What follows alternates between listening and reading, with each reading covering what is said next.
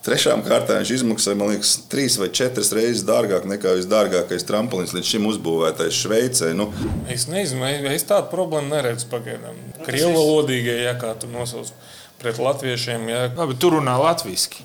nu, labi, es iemācījos. Kas tur tāds? Tur? un iedomājieties, ja viņš to cīņu vinnēs, cik tas būs būtiski tai visai tautai. Esiet sveicināti kārtējā VF podkāstu epizodē. Edgars. Kugrāns. Ah, okay. Un, eh, šodien, iepriekšējā epizodē runājām par basketbolu vairāk. eh, Tad šodien atkal mazliet par to, kas eh, šobrīd notiek pasaulē. Un mazliet caur sporta prizmu, tāpēc pie mums šodien ciemos VF basketbola kluba treneris Jevgeņš Kasuškins. Labdien! Un uh, bijušais sportists Latvijas Olimpiskajās karognesējs arī, vai ne? Atlantā, ja? Nē, Nē Barcelonā. Barcelonā, atvainojos, jā. Nē, lai gan tu nemēji maldījies, Atlantā es arī tikai noslēdzu. Noslēgums. Noslēgums, nu redz, tā kā vispārējais, tā kā divkārtais karognesējs. Un arī nu, jau bijušais uh, aizsardzības ministrs no 15. līdz 19. gadam. Uh, Jā. um, Raimunds Bergmans. Sveicināts! Sveiki! Uh, es gribētu sākt ar tādu vienu tādu jautājumu, kas man liekas ļoti daudziem šobrīd ir um, galvās. Uh, Jūs šobrīd Latvijā jūtaties droši? Es absolūti droši jūtos. Un, uh, es domāju, ka tā vajag justies arī visiem, bet tas nenozīmē, ka nav jādomā par to un kaut kādā arī jādara kaut kas. Tas gan, bet uh, par drošību, nu, lai gan, protams, redzot to nu, rīcību un vispār, ne, nu, ko nevar izskaidrot. Kāda riska jau vienmēr pastāv, tu nevari būt absolūti drošs. Bet uh, nu, šādā ziņā, kā šobrīd, uh, nu, es nedomāju, ka kaut kas varētu šeit pat attīstīties. Vienkārši viņam trūks spēku šobrīd, lai vispār šeit kaut ko darītu. Bet, uh, Un kanādieši tik brauc un brauc pie mums. Uh, vairāk. jā, kanādieši, es domāju, būs arvien vairāk. un Šodien, šodien ir arī lielā tikšanās NATO, kur pieņems vēl papildus lēmumus. un Vasarā ir NATO samits, kurš, domāju, būs vēl vēsturiski vairāki lēmumi. Jo, piemēram, mans, mana dalība NATO samitā 2016. gada ā, Varšavā, tas, kad es atbraucu un stāstīju šeit, un daudz arī par to rakstīju. un Es teicu, ka tas tiešām ir vēsturisks notikums. un Visiem likās, nu, jā, nu, kaut kādas izmaiņas, mm -hmm. kaut kas te atbrauks, kaut kas mūsu sabiedrotie. Bet šodienas acīm skatoties, tad tieši tāds arī bija vēsture. Tas bija tas paplašinātais Jā, konflikts. kad ieradās šis paplašinātais kontingents, kuru vada Kanāda. Un, tas tiešām pašam liekas, nu, jebkuram cilvēkam piedaloties kādā lielā pasākumā, vienalga, kas tas būtu. Viņam vienmēr liksies, ka tas ir kāds vēsturisks notikums tavā dzīvē. Bet tas bija tiešām vēsturisks notikums mūsu valstī un man personīgi arī. Un, tāpēc es tāds liels gandarījums par to, ka tajā brīdī jau to bija grūti izskaidrot. Jo tajā brīdī jau daudziem liekas, ka tas nu, neviens, jau- arī mums šobrīd ir grūti saprast, nu, ka tas tiešām notiek un tas ir iespējams 21. gadsimtā. Bet tajā brīdī vēl jau grūtāk bija, jo visu laiku likās, ka nu, vajag runāt, darboties, bet tā rīcība tomēr mēs spējām pārliecināt uh, mūsu sabiedrotos, ka tāda rīcība proaktīva ir uh, daudz uh, droši vien efektīvāka. Un paldies viņiem par izpratni un paldies par to, ka šie karavīri šobrīd no desmit valstīm šeit ir. Un tev? Tagad šito visu dzirdot, es jūtos ļoti droši. Nē, viss ir kārtībā. Es domāju, ka nav no kā baidīties Latvijā. Nu, ja ceļš saka, ka jo vairāk un vairāk brauc, man nav problēmas. Nē. Bet kā jums liekas, vai, vai pasaule jau šobrīd ir izmainījusies neatgriezeniski? Ka vairs nekad nebūs tā kā pirms 24. februāra visās sfērās, tostarp sportā. Es domāju, ka jā.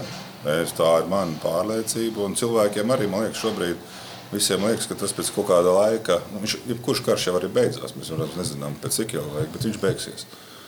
Un tas ir tas, par ko varbūt šobrīd arī Ukraiņas puse runā, nu, kad viņš beigsies vienalga, kurā variantā. Un tad būs tās vienošanās jāslēdz. Bet tas, ka tas ietekmēs ļoti nopietni arī sporta dzīvi, es domāju, viennozīmīgi. viennozīmīgi jo mēs redzējām, cik sarežģīti bija, kad sākās eh, iebrukums Afganistānā, un tad bija šī Olimpiskās spēļu boikots. Un cik ilgstoši bija jāmēģina, lai atgrieztu vispār tajās apritē, vispār visu to sabiedrību un sporta. Un, bet nu, šis ir aiziets tik tālu, ka te ir tie tilti nodedzināti. Nu, protams, ka kaut kāda mēģinājuma kaut kāda būs. Nu, mēs zinām, ka arī Ziemeļkorejas pārstāvis startē šādi dažādos sporta formos. Bet nu, šis ir, man liekas, vēl tālāk pat aizies nekā Ziemeļkorejas. un Līdz ar to, protams, ka mūsdienu pasaulē, ka tā sasaiste starp valstīm ir ļoti cieša. Mums nav ko slēpt. Piemēram, es domāju, ka eh, Krievijas puse pat strateģiski mēģināja caur sportu, kas viņiem ir ļoti nozīmīgs, viņu tādā mentālajā izpratnē, kā sports kā tāds, kas viņu tai pašu pārliecinātē, pašu iedvesmē, un visam tas ir ļoti nepieciešams, kā, kā hokejs, daislidošana vai vēl kāds cits viņiem raksturīgs sporta veids. Tad uh, priekš viņiem tas ir ļoti, ļoti nozīmīgi. Un, uh, es nezinu, kā viņi, bet viņi to mērķiecīgi veica. Viņi daudzas sporta uh, organizācijas pasaulē, lielas sporta federācijas vada Krievijas pārstāvji. Nu, kā piemēram, var minēt arī Eiropas Triatlona federāciju vada Šoigu Meitu. Jā, jā, ok. Un, eh, un, eh, nu, un, un ne tikai ir daudz, daudz, jo mēs zinām, un tie cilvēki, kas šobrīd ir zem sankcijām, un viņi vada, eh, vada šīs organizācijas, un tur tika iepludināts arī milzīgas naudas. Un, eh, līdz ar to nu, tās federācijas arī nu, zināmā mērā cietīs no tā. Un, Tur jau tostarp arī federācija konti ir eh, Protams. arestēti šobrīd. Protams, protams un, un, un nu, kā, nu, tas viss tāda sporta veida attīstība, protams, būs sarežģītāk. Viennozīmīgi būs sarežģītāk, bet tad nu, ir tā izvēle, kas šobrīd arī notiek. Jebkura mūsu, es domāju, jebkura ikviena cilvēka prātos, nu, šāda situācija ir tas lakmus papīrītis. Tā ir tā izvēle mm. starp to un to. Nā, nu, es domāju, ka Krievijam jābūt ļoti globālām izmaiņām, lai viņas atkal pieņemtu kaut kur, kaut kādā veidā. Bet nu, šobrīd tas neizskatās, ka kaut kas tāds varētu notikt tuvākajā laikā. Es gribēju par to sports. Nu, vienmēr ir tas eh, sports un politika. Jā, nejauciet sporta ar politiku, lai gan nu, mums visiem skaidrs ir zināms, ka eh, nu, tas ļoti bieži ir politika. Cik eh, tu trenēji jau VF arī tajos laikos, kad eh, jūs braucāt nu, VTB? VTB, jā, jā protams. pastāst, nu, nu, Krievijā sports un politika taču gandrīz nu, katrs klubs ir uh, politisks klubs. Tas ir viens un tas pats, protams. Tas ir tā kā viņam tā kā plakāts. Viņi, vat, viņi izrāda ar to, viņi dzīvo caur to, viņi parāda savu panākumu caur sportu. Viņiem varbūt tur nav ko ēst, bet viņi vinēja kaut kādu turnīru, un tāpēc viss ir labi. Mm -hmm. Un tas ir tipiski krievu tāda mentalitāte nu, tajā valstī, ja, un tāpēc nu, uz Krieviju tas neatiecās. Jā, nu, tur- Es pilnīgi piekrītu, ko teicu. Jo es arī NATO, kad mums kā ministrs brauc un bieži tiekoties ar saviem kolēģiem, es viņiem teicu, nu, cik būtisks ir uh, nu, sports. Mm -hmm. Un viņiem tas likās nu, nesavietojami, ja? bet es saku, viņiem, kā tikko arī Ievgijas teica, priekš viņiem tas ir. Nu, es pats vēl 2014. gadā biju kā Olimpiskās komitejas pārstāvis Sochi Olimpiskās spēlēs. Es atbraucu tajā dienā, kad Krievijas hokeja zaudēja Somijā. Mm -hmm. Viss es iebraucu, un manā akreditācijā eju cauri. Viņš saka, ka Olimpāda ir beigusies. Avīze. Es saku, nē, nē, četras dienas. Nē, nē, Olimpāda ir beigusies. Ok. Jo tas ir tā, kā viņiem tas hokejs nozīmē, kā viņi bija viņu investējuši. un Tur pilnīgi bija līdz tādām lietām, un es nezinu, pat, es nezinu kā viņi to bija panākuši. Protams, kalendāru viņi mainīt nevar. Ka tieši Olimpādas noslēgums 14. gadā ir 23. februāris. jā, kad, jā. Un 23. februāris, un tad bija tā nauda, viņus apbēra, viņi salasīja visus labākos, ko vien var salasīt. un Viņiem piedāvāja, nezinu, ko, nu, ja tu gribi māju, vasarnīcu uz Marsa, tev būs, lai tikai vinnētu to hokeja čempionātu. Mm. Viņiem noslēguma ceremonijā bija paredzēts, ka viņus ceļ ārā stadiona vidū, tā komanda ar visu atbilstošām dziesmām. Bet? Nu, diemžēl Somija, kā 39. gadā, tā arī šoreiz. Un, un arī nu, pat jā. atkal, ja tā kā Somija ir tāda liktenīga hokeja komanda, kas viņiem ir patraucējusi realizēt visu to, bet eh, arī man, būdamam ilgstoši, es neesmu bijis. eh, Un tagad, nu, droši vien, vairs, iespējams, ka vairs nekad nebūs būs iespēja Krievijā nokļūt. Ja, bet, uh, Tajā brīdī, kad es atbraucu, tiešām nebija ilgstoši bijis eh, Krievijā un satiekot šos jaunos cilvēkus, brīvprātīgos, kas darbojās Olimpijādē. Un, eh, Man liekas, ka nu, ir, ma- ir mainījusies Krievija. Nu, tiešām, nu, zinot, augot Padomju Savienībā, nu, tu saproti, nu, tu zini tas. Un, un tu satiec, un tiešām liekas, ka ir nu, tiešām kaut kas ir gājis, varbūt tiešām uz to labo pusi. Un, un tās spēles bija viennozīmīgi, nu, man tā pieredze kā dalībniekam, kā nu, pārstāvim, kad bija piemēram Rio de Janeiro es biju kā valsts vadītājs, pārstāvēju no valsts puses komandu. Nu, ir, ir ar ko salīdzināt. Nu, godīgi sakot, tās bija vienas no Nu, labāk organizētājiem. Nu, jā, bet pēc tam bet... tur bija arī ļoti laba dopinga organizācija. Jā, jā nē, protams, protams nē, es par to saku, bet tas viss pārējais bija tiešām ļoti augstā līmenī. Un, eh, bet tajā pašā dienā, kad es teicu, ka man likās, ka ir mainījies, un eh, es atceros, beidzot, man kaut kādiem diviem tas noslēgums atnāca. No rīta man bija iespēja blakus bija tāda halle, kur jau Medvedevs jau ordeņus viņiem sprauda klāt. Divos bija beigusies olimpiāda, desmitos no rīta jau ordeņi tiek sprausta klāt. Tas viss bija tiešām saprogrammēts, satais, un tad ir notikumi Krimā. Jā. Un tu atpakaļ, un viss sabruka atkal, un viss, nē, viss ir vecais atpakaļ un vaiprāts. Un Nu jā. nevar pat aizdomāties, ka tas jau par Krimu un, un, un, un tas pats, bet nu, tas viss ir sasaistījies ar Olimpiskām spēlēm, iebrukums Grūzijā 8. gadsimta. Nu, diemžēl visu laiku. jā. Arī tagad jā. Viss, viss atkārtojas, un es neesmu, protams, nevaru būt pārliecināts, bet es domāju, ka šajā gadījumā ā, Putina vizīte Ķīnā, kur bija pretīmnākšana no Ķīnas prezidenta, jo viņš nevienā statusā tur nevarēja būt, izņemot, ka ielūgtā persona savādāk viņš tur nevar, Jā. nevarēja būt. Nu, viņš tika ielūgts. Protams, tas viss, kā viņš tur atradās un kāda varbūt attieksme bija diezgan nu, parādīja to attieksmi no Ķīnas puses. Bet, kā es domāju, jo 8. gads jau arī bija Jā, jā. Ķīna. Un Tādā lasās, ziņā jā. tas viss, kā, nu, to visu to Ķīnas ieguldījumu, to visu to savu stāstu, tas viss sabojāja. Mm. Un es pieļauju, ka šoreiz bija vienkārši saruna. Šajā reizē Pagaid. neko nemainīsim manā, mūsu dienas kārtībā. Un es pieļauju, ka tas daļēji ir arī atsaucies uz tiem notikumiem, kas šobrīd tur notiek. Jo tie cilvēki jau tā armija tur ilgstoši atrodoties tajā lauka vidū. Tas viss tās dienas, tur zemes sasalums un viss tas maina. Tur tiešām ir ļoti, ļoti būtiskas tās arī visādas šādas nianses. Un, eh, es domāju, ka tur viennozīmīgi ka tā bija. Ka, jā, Olimpiādas laikā, lai nekas nenotiek. Bet tāpat jau sanāk, kad uh, Krievija pārkāpa olimpisko pamieru, jo paralimpiskās spēles notika un ir jābūt beigšāmies arī tām, lai nepārkāptu to. Nu, labi, bet ja mēs tad, tas man liekas, ir pēdējais, ja par ko vajadzētu. Nē, nu, labi, labi, jā. protams, jā. Nē, pareizi. nē. Bet Es tas domāju, ka tas ir ļoti precīzi. pasaule. Jo šobrīd jau tā lielākā problēma, ka tiek pārkāptas jebkādas mm. -hmm. vienošanās, un, piemēram, augstā kara laikā bija ļoti daudz eh, nerakstītu vienošanās, un viņas neviens nepārkāpa. Bet šobrīd tas ir tā lielākais izaicinājums. Nu, tas tā kā spiegu izlūku, nu, kā mēs kurš gribam saukt. Vienam ir spiegs, otram ir Otram izlūks. ja. izlūks, jā. Ja? Bet eh, arī šajās attiecībās ir šie nerakstītie eh, likumi, nu, kurus nekad nepārkāpj. Nu, tad mēs redzējām, ka arī tur tiek tas pārkāpts no Krievijas puses attiecībā uz saviem cilvēkiem, viņu indēšanu. Tas tās nu, ka nekad nevarēja to attiecināt pret ģimenes locekļiem. Mm. Nu, tās ir tie nerakstītie likumi, un viņi viņus ir pārkāpti. Nu, līdz ar to tas ir tas, kas šobrīd ir tas sarežģītākais pasaulē, ka nevar atkal atrast to. Mm -hmm. Tādu vienošanos, ka mēs norunājam, nu, var arī neparakstīt dokumentu, bet tad mēs viņu ievērosim. Es, Žaņ, tev gribēju pajautāt, no eh, arī politika kaut kādā ziņā, nu, VF šajā visā ir iesaistījies pie jums spēlē. Uh, profesionāls basketbols Vitālijs Zotovs, Ukrāņu spēlētājs, pirms tam bija Buda. Nē, eh, Vitālijas tagad ir. Jā. nē, bet pirms tam viņš bija Kievas Buda Veļņika vai Kieva BCK. Es tagad. Uh, Oi, man liekas, ka viņš bija.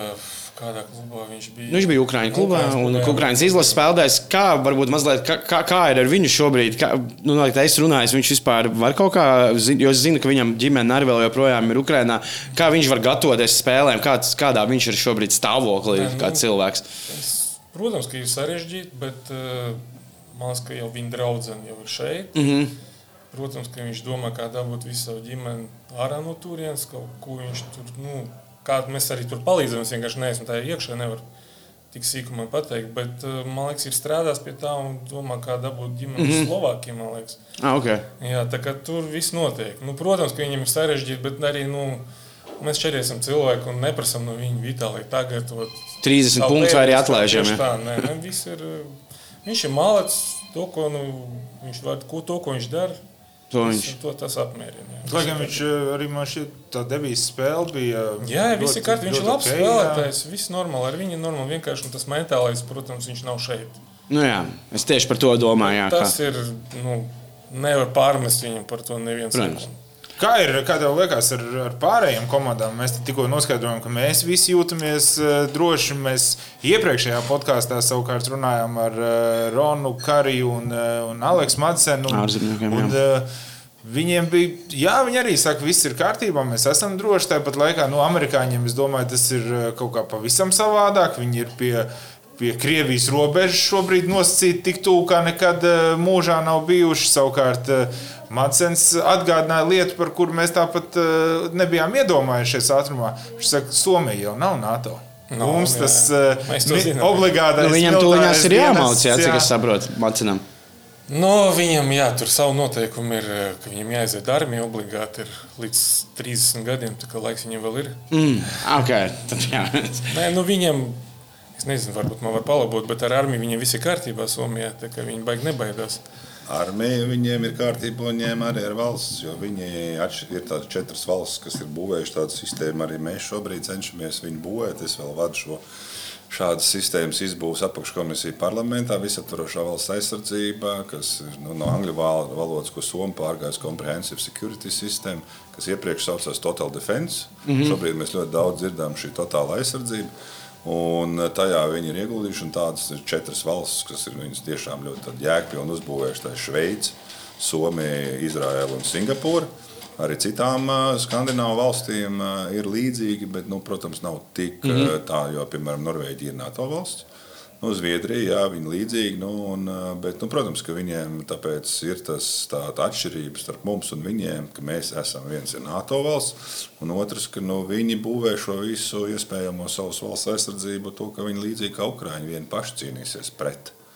Nu, tā ir milzīga atšķirība. Nu, mm. Tev ir pavisam savādāk. Tev ir jābūt pilnīgi katram cilvēkam, gatavam pret to darboties. Un jāzina, kā un ko. Un tāpēc viņa milzu līdzekļus, un arī aizsardzībā viņš šobrīd iegulda nu, tādus līdzekļus, kas grūti pat iedomāties. Bet to viņi dara apzināti, ilgstoši un, un, un, un, un, un tā pārdomāti. Un tas ir tas, un, un tāpēc ja viņiem arī ir medniecības kultūra, viss šis stāsts, kur cilvēki. Nu, mēs atceramies, kā mums gāja šeit eh, nu, saruna parlamentā par to, vai dot bērniem atļauju 16 gados iet medīt. Tad mums te gandrīz bija diezgan man Jā, jā, jā. man liekas, plašākās debatas šī parlamentā četru gadu sasaukumā. Bet tas ir tas, ka tā izpratne, sapratne, un tad jau aizgāja līdz tādām maiprātām, ka Norvēģijā jā, tur cilstas un viņiem gandrīz vai nav ko ēst. un Tas ir iemesls, kāpēc viņi bērni iet medībās no 14 gadiem. Nu, nu, ja, nu, ja mēs šādi sākam domāt un runāt par Norvēģiju, tad saprotiet, cik ir kvalitatīva šī debata. Bet, bet nē, Somijā jā, viņiem ir tiešām šī nu, arī nu, ļoti smagā pieredze, kur ir nu, šis konflikts bijis, to, to neviens nevar aizmirst. Un, bet mums arī ir bijusi ļoti liela loma. Viņu armija ir būtībā dibināta šeit, Lietpājā, un, un, un, un jēgera pulks un viss karoks iesvētīts, un kā viņi devās. Gadsimta sākumā mēs esam ļoti, ļoti cieši saistīti ar, ar Somijas tādā mentalitātē, un, bet jā, nu, viņu, viņu pārdomātā sistēma un to cilvēku attieksme pret šīm lietām, kas līdzīgi, es domāju, arī Šveicē un, un, un Izrēlā, kur Izraela, piemēram, viņi man stāstīja, vismaz es neesmu to ļoti detalizēti pārbaudījis, ka viņi to sistēmu tiešām no, paņēma no šveiciešiem, Izraēļa paņēma no šveiciešiem, bet viņi vēl ar vienu vēl nav tikuši līdz tādam varbūt uh, līmenim, ka Šveicē ieroči stāv mājās cilvēkiem. Mm -hmm. nu, katram, viss somi, viss. Tad Izraēlā ieroči stāv tomēr kartaļā. Ja? Ah, nav katram iesistabā, ja? Nē, nē, nu, ir jau pieņemts, ne, tur cilvēks staigā. Nu, es, man arī bija iespēja būt uh, t- Tas ir diezgan nu, tāda sajūta, bija, ka nu, vakarā te nu, turpatās ir arābu ģimene, kas pikniko uz nu, tur pļaviņā. Paņem automātu. Jā, un, brakām, brakām, un garām brauc uh, ebreju tautības cilvēki ar ratiņiem, un puisim uz muguras ir automātiskais ierocis. Nu, nu, cilvēki no rīta brauc uz armijas daļu, viņi iekāpa ar ieročiem sabiedriskā transportā. Nu, mums tas iedomājas, viss vienmēr mēs kaut kā uzreiz tā aizdomājamies pie sevis. Bet uh, tas vienkārši ir attieksmes jautājums, un šajā gadījumā es saku, nu, tādā. Nu, Cilvēkiem, piemēram, runājot ar tiem pašiem sportistiem, Izraels, es kā tagad atceros, vēl 2000. gadā savā noslēdzošajā, kā sportistam Olimpijādē Sidnejā, kad tu viņiem uzdod jautājumu, nu, visiem ļoti interesanti, kāpēc jums meitenes iet dienēt obligāti mm -hmm. dienestā, viņi nevar atbildēt. Un tad viss brīnās, kāpēc jūs nevarat atbildēt. Viņiem, nu, viņiem tas ir galvā, viņi, tas, nu, kā tu vari atbildēt uz tik nu, saprotamu jautājumu. Tu nevari atbildēt. Tad, nu, kā, visu, Kāpēc nē? Kā, nu, kāpēc nē? Tieši tā viņam čipā nav iekšā. Viņš nespēja atbildēt. Nu, tas taču ir nu, kā, tas, tā, Tam ir tā jābūt. Tam tā ir jābūt. Nu, ja mums prasa, kāpēc vasarā ēda augsto zupu, piemēram, nu, tā, Nē, tas nē, vasaras tieši tā, ēdiens. nē, nē, nu, tieši tā, un, un, un par šīm lietām, jā, bet uh, jā, tas, uh, tādās valstīs, jā, tur tā izpratne attiecībā pret drošības jautājumiem, tas ir no mazotnes tiek stāstīts, runāts, un tā arī izveidojās tā cilvēka attieksme pret šīm lietām. Un, jā, es, es domāju, ka ar laiku mums mēs spēsim to izdarīt, un valsts aizsardzības mācība ir viens no tiem, ne jau tik daudz varbūt runājot par to militāro stāstu, bet cik par to izpratni un attieksmi pret mm. valsts. Tas ir tas, kas, kas būtu šīs mācības galvenais. Jo šobrīd runājot piemēram, par šī, nu, šī priekšmetu ieviešanu no 24. gada. Visiem tas kādā vecāka gadagājuma cilvēkiem asociējās ar to padomu stāstu, nu, kad izjaukt automātu un uzvilkt gāzmasku. Ja, bet nē, nē, tas ir tāds pavisam savādāks. Un tas ir tas. Tu biji Krievijā ar vienu? Man bija vēl. Ā, Vai mācības bija skolā? Jā, Jā, jā, tā kā ne, Tas man bija. jā. jā, jā, tā kā nē, bet tā, tā māki izpratne- uzvilkt, jā. tas ir attieksme pret lietām, pret drošību, pret tā, ka cilvēki vienkārši nu, neaizdomājās. Mm. Daudzas lietas, Tas nu, elementāras lietas, kā es teicu, nu, tādas banalitātes. Ja? Mm. Nu, par tām pašām drošības jostām mašīnā. Nu, Pies, nu, tu gribi piesprādzēties vai nē, tā ir tava izvēle, bet tā ir tava attieksme. Vai iet uz, braukt uz sarkanās gaismas ar mašīnu pāri vai iet ar kājām. Nu, tā Jā, ir tā. bet redz, kā par drošības joslām, jostām tas diezgan ātri izmainījās. Vēl kaut kādu brīdi atpakaļ, braucot ar Žigulīti, bija ok. Kas man liekas, viena no stulbākajām lietām, ko vispār var. Es viņu vienkārši pārmetīšu, bet eh, Jā. Nē, nesprāstīšu. nu kā tur šī lielai daļai vispār bija tas Jā. nogriezts, iesprāstīts, tas klipsis, lai nepīkst tā mašīna. un Kāds tik Tā daudziem. Nē, nu tā ir tā izpratne un attieksme pret šīm lietām un pret vispār kaut kādām drošības lietām. Nu, tur metināt ar atklātu uguni blakus, tur pīpēt vai nu, uz, degvielas uzpildu stācijā uzpīpēt. Nu, tādas izpratnes lietas parasti. Bet, bet nu, jā, nu, tas, tas, tas nav viegli, tas jāmaina pietiekoši. Tas, es domāju, ir pareizākais ceļš šobrīd iet tieši Ok. caur, caur jauno paudzi un lēnā garā mainīt vienkārši to attieksmi. Ko mēs redzam, piemēram, tādā Amerikas Savienotajās valstīs, tā attieksme pret šīm lietām. Nu, tas vienkārši ir nu, pašsaprotami, jo, piemēram, nu, viņiem lidostā, ja kāds nav papētījis, to var izlasīt. Piemēram, ir diplomātiem, kā jūs varbūt zinat, ir atsevišķi ieejas, kur ātrāk to var iziet kaut kādas drošības kontrolas. Basketbolisti arī. Uh, Nevien- Nezinu, nevienam, nē, bet tur ir diplomāti un True. militārās personas. Jā. Piemēram, arī es, jebkuras pasaules valsts militāra persona, ja tev ir tā savā identifikācijas karte, Var. rādot, tu vari, tad tā ir Jā, no Amerikā- cieņas izrādīšana pret tiem cilvēkiem, kas ir rūpējies par valsts drošību. Tāpēc varbūt Macens arī tik labi jūtas šeit. Jo mums tā mentalitāte ir līdzīga. Jā, trešais gads jau tomēr. Jā, Jā, tā. jā, es gribēju mazliet par sportu, tad tā, tālāk to, kas šobrīd notiek pasaulē. nu, tās sankcijas pret. eh, Protams, ir skaidrs, ka eh, Krievu izlases nekur nevar piedalīties. Bet eh, daudziem ir tā situācija, un tie viedokļi dalās, ko darīt ar tiem sportistiem, nu, kas, piemēram, NHL spēlē, kur ir kaut kopā 57 vai čet, ne, 47 krievu spēlētāji. E, Kā tur rīkoties, kā tev šeit liekas, tur arī vajag visus, tā kā, nu, nē, neviens nevar spēlēt, vai tur kaut kā jādala, dalīt, ja īsti nevar, ie- nu, nav iespējams. Kā, kā tur rīkoties? Nu, Es, es nezinu, vai jāmet ārā uzreiz. Es tā nedomāju, ka tā, tā būs. Bet Painhelma man varbūt savādāk pat pa Eiropu. Es domāju, ka būs tā, ka uh, neņems vienkārši. Vienkārši neņems jaunas. Vienkārši neņems, jo tas nebūs labs tons. Mm. Varbūt visticamāk, arī lielākoties tie sportisti nav vainīgi nekur, bet lai tomēr parādītu arī caur šo prizmu tai valstī, ka tur nav viss kārtībā, Mm. ka cilvēki to darīs, klubi to darīs.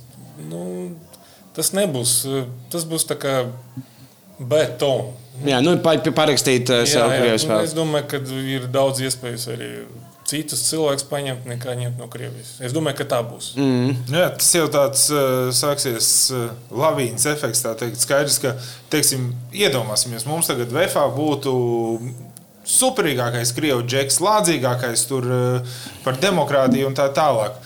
Un tomēr es domāju, tas būtu visās avīzēs, ka VFs tomēr patur, Patur. patur savu spēlētāju. Nu, es domāju, ka katra reize tur būs individuāli tāda lieta, kā, tu, kā tas cilvēks, ko viņš teiks. Tu nevari visiem teikt, ka viņš ir par puķinu. Tad tas, tas nav pareizi. Jo ir ļoti daudz normālu krievu, kas ir pret kāru un pret puķinu. Un, un tas ir normāli. Bet, eh, ja tev būs izvēle, es domāju, ka vienkārši ies citu ceļu. Mm. Ko viņi darīs? Spēlēs Krievijā nu, visu jau par, spēlē. par rubļiem. Tagad jau spēlē. Viņi Nu, jau spēlē, un nu, viņam nav jau citu variantu. Viņam. Jā, tas būs līdzīgi, kā es domāju, šobrīd, nu, ko mēs redzam arī ar uh, lielām pasaules uh, uh, kompānijām, kuras arī daži sākumā vēl ar vienu cerēja un, un saprotot šobrīd, kad, tas, nu, kad bankas, tās pašas Šveices bankas, pat ir mainījušas neutralitāti, Mhm. mm. nu, Jā, tas kas ir nekad dzīvē nav bijis. Tas tabū bija vienkārši. Un šobrīd nu, mēs redzam, liekas, pēdējais, ko šobrīd ir Nestle, kas vēl mēģina kaut kādā nē, viņu tagad, man liekas, jau pateica. Nē, nē, viņi, viņi tāpat tās vēl tur ir kaut kādas, tur viņiem tas, tas, tas, tas iziešana no tā tirgus, tāda nu, viņu redzējums, bet, eh, nu, piemēram, nu, tas pats Renault, Nissan Renault kompānija. Nu, viņiem tas ir milzīgs investīcijas. Bija, tā bija viena no galvenajām mm -hmm. autobūvas kompānijām pēc lieluma investīciju, man liekas, galvenā. Krievijā auto Lada vai auto vazas, nezinu, kā viņš tur saucās. Nu, arī viņi pieņēma. Es domāju, ka nu, nu, viņiem, nu, viņi saprot, tad nu, viņiem arī pārējais tirgus sabruks. Vienkārši daļa šīs, ko teica Evgenijs, daļa šīs attieksmes. Nu, tas būs baigi izteikti. Domāju, nu, bet tas nav viegli, jo cilvēki, nu, kaut kā cilvēki tas prasīs ilgstošā laikā tādā veidā attieksmi izteikt un to vērtību. Un, piemēram, mums jau arī eh, nu, ļoti bēdīgs un skumjš notikums notika mums Maksimas veikals sabrīk. Nu, attieksme pret šo kompāniju bija kā bija cilvēkiem. Nu, tu vēl kāds joprojām viņi ir. Jā, cil, ir cilvēki, kas daži- iet ar bet līkumu. jā. Daži cilvēki tomēr nu, tā, tā kā tas ir tāda. Nav tik vienkārši. Tas, protams, ir tādas sarežģītas lietas, kuras cilvēkam ir jāizvēlās. Un šis ir tas, kas teica, nu, jebkura krīze. Tā ir ļoti sarežģīta cilvēkiem. Jebkuram mēs redzējām, kā mums gāja arī pandēmijas laikā. Mm. Kā mums ir šobrīd. Tās ir tās izšķiršanās, ka tev ir tās, nu, tur lakmus papīrītis parāda, vai tu vari vadīt, vai tu vari darboties krīzes laikā nē. Nu, piemēram, arī armijā ir tā, ka nu, cilvēks piemēram, ir ļoti vispusīgs, fiziski labi sagatavots. un tā. Un stresa apstākļos viņš nespēja pieņemt loģisku lēmumu. Un, Diemžēl nu, viņi ir jāatsakās. Vienkārši viņš nu, nespēja. Nu, un viss. un to mēs tikai varam pārbaudīt, tad, kad nu, viņš nonāk tādos apstākļos. Un Tā ir, tā ir bijis. Tā jau sevišķi ir, tas ir uh, izteikts daudzos speciālos uzdevumus. Vienība kaut kādos tādos atlases procesos, kas visā pasaulē, ka tev nu, panāk tādā stāvoklī, vai tu spēj pieņemt adekvātu lēmumu vai nē. Un, un tad ļoti bieži tā, ka cilvēks ir nu, monstrs vienkārši visās lietās, šauj, kauj, krien, lec un viss. Un nonākot kaut kādā tādā kritiskā situācijā, nespēja pieņemt to pareizo lēmumu, kas Es- ir atbilstoši tam brīdim.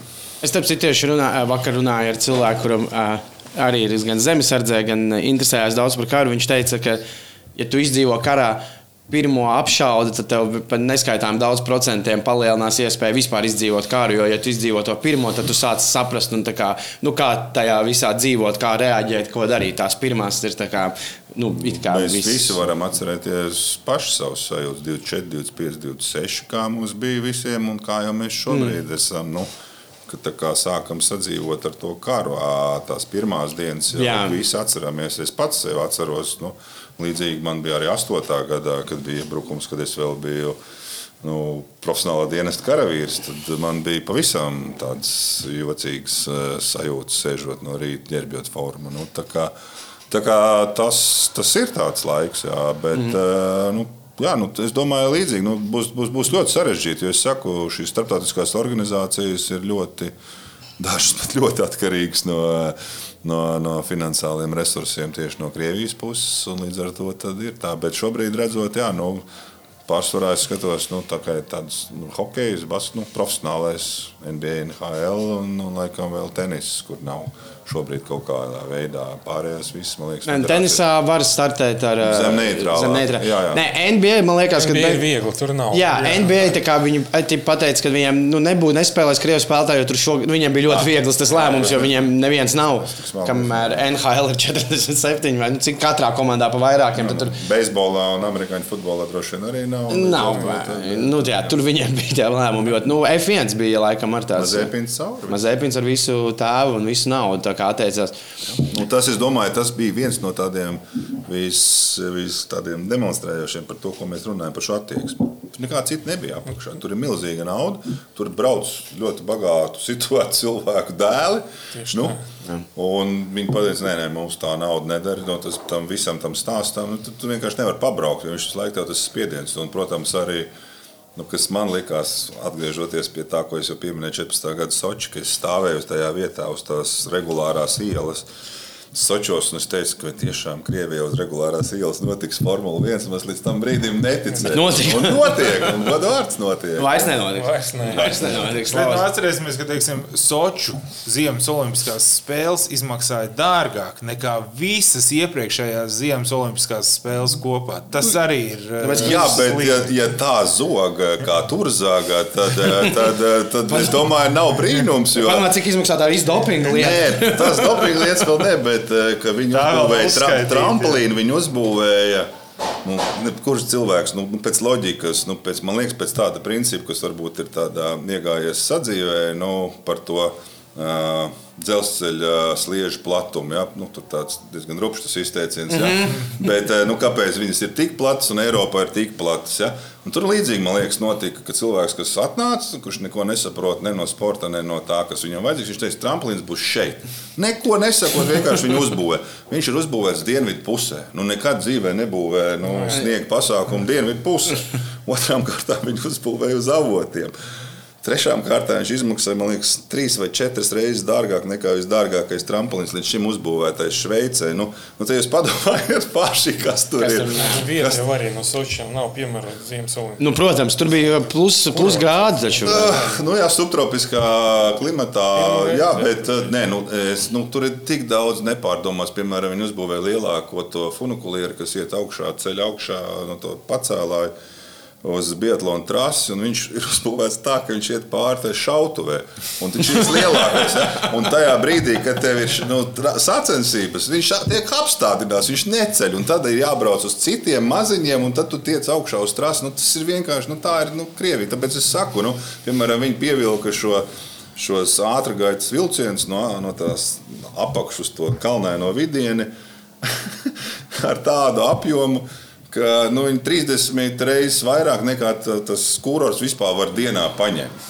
Nu, viņš ir uzbūvēts ar tik lielu Jā. apjomu, ja, ka nu, tev tāds satiksme ir izbūvēta, nu, ka tu dzīvē vienkārši tur nevarēsi nekad, tur nevien, nekad mūžā nebūs to cilvēku tik daudz. Bet, nu, Ķīnieši viņi. Arī tad, nē, nē tam vienkārši tas kurors nespēja to paņemt pretī. Bet es saku, tas, tas, tas soču stāsts, tas ir abrīnojami. Bet tā taisnība, ka viņi iztērē milzu naudu tajā pašā laikā. Šobrīd ā, ķīnieši, es nezinu, ko es tik cik es redzēju, šīs ziemas spēles, viņi arī milzu naudas ir ieguldījuši. Protams, mēs nezinām, cik ir nu, viens ir oficiālais, viens ir ā, neoficiālais, protams, bet viņi tiešām skatījos, tā, cik skaisti, piemēram, bija tā trasa kalnos pārbūves, tas, kā viņi ar to filozofiju, ka viņi grib to ziemas sporta veidu ieviest tautā. Tas ir pavisam cits stāsts. Un, un tā kā viņi to bija izdarījuši, diezgan pārdomāti. Es, protams, tikai no attāluma redzēju.